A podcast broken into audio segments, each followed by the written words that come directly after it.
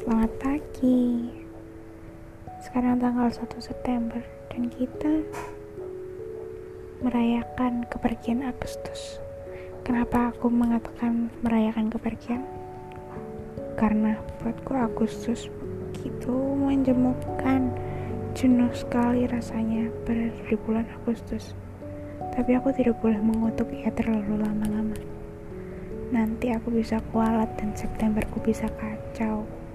Aku gak mau satu bulan September ini sama kacaunya sama seperti Agustus.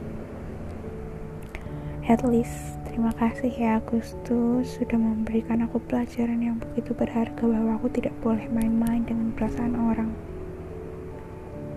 Aku tidak boleh mempermainkan orang dengan sebegitu mudahnya, walaupun aku sendiri tidak sengaja melakukannya. Hai September, Aku harap satu bulan ini penuh dengan keceriaan. Tapi aku tidak ingin sendirian merasakan keceriaan itu. Karena teman-temanku juga berhak bahagia. Orang-orang di sekitarku juga berhak bahagia. Hai September, semoga aku tetap kuat menjalaninya. Pantang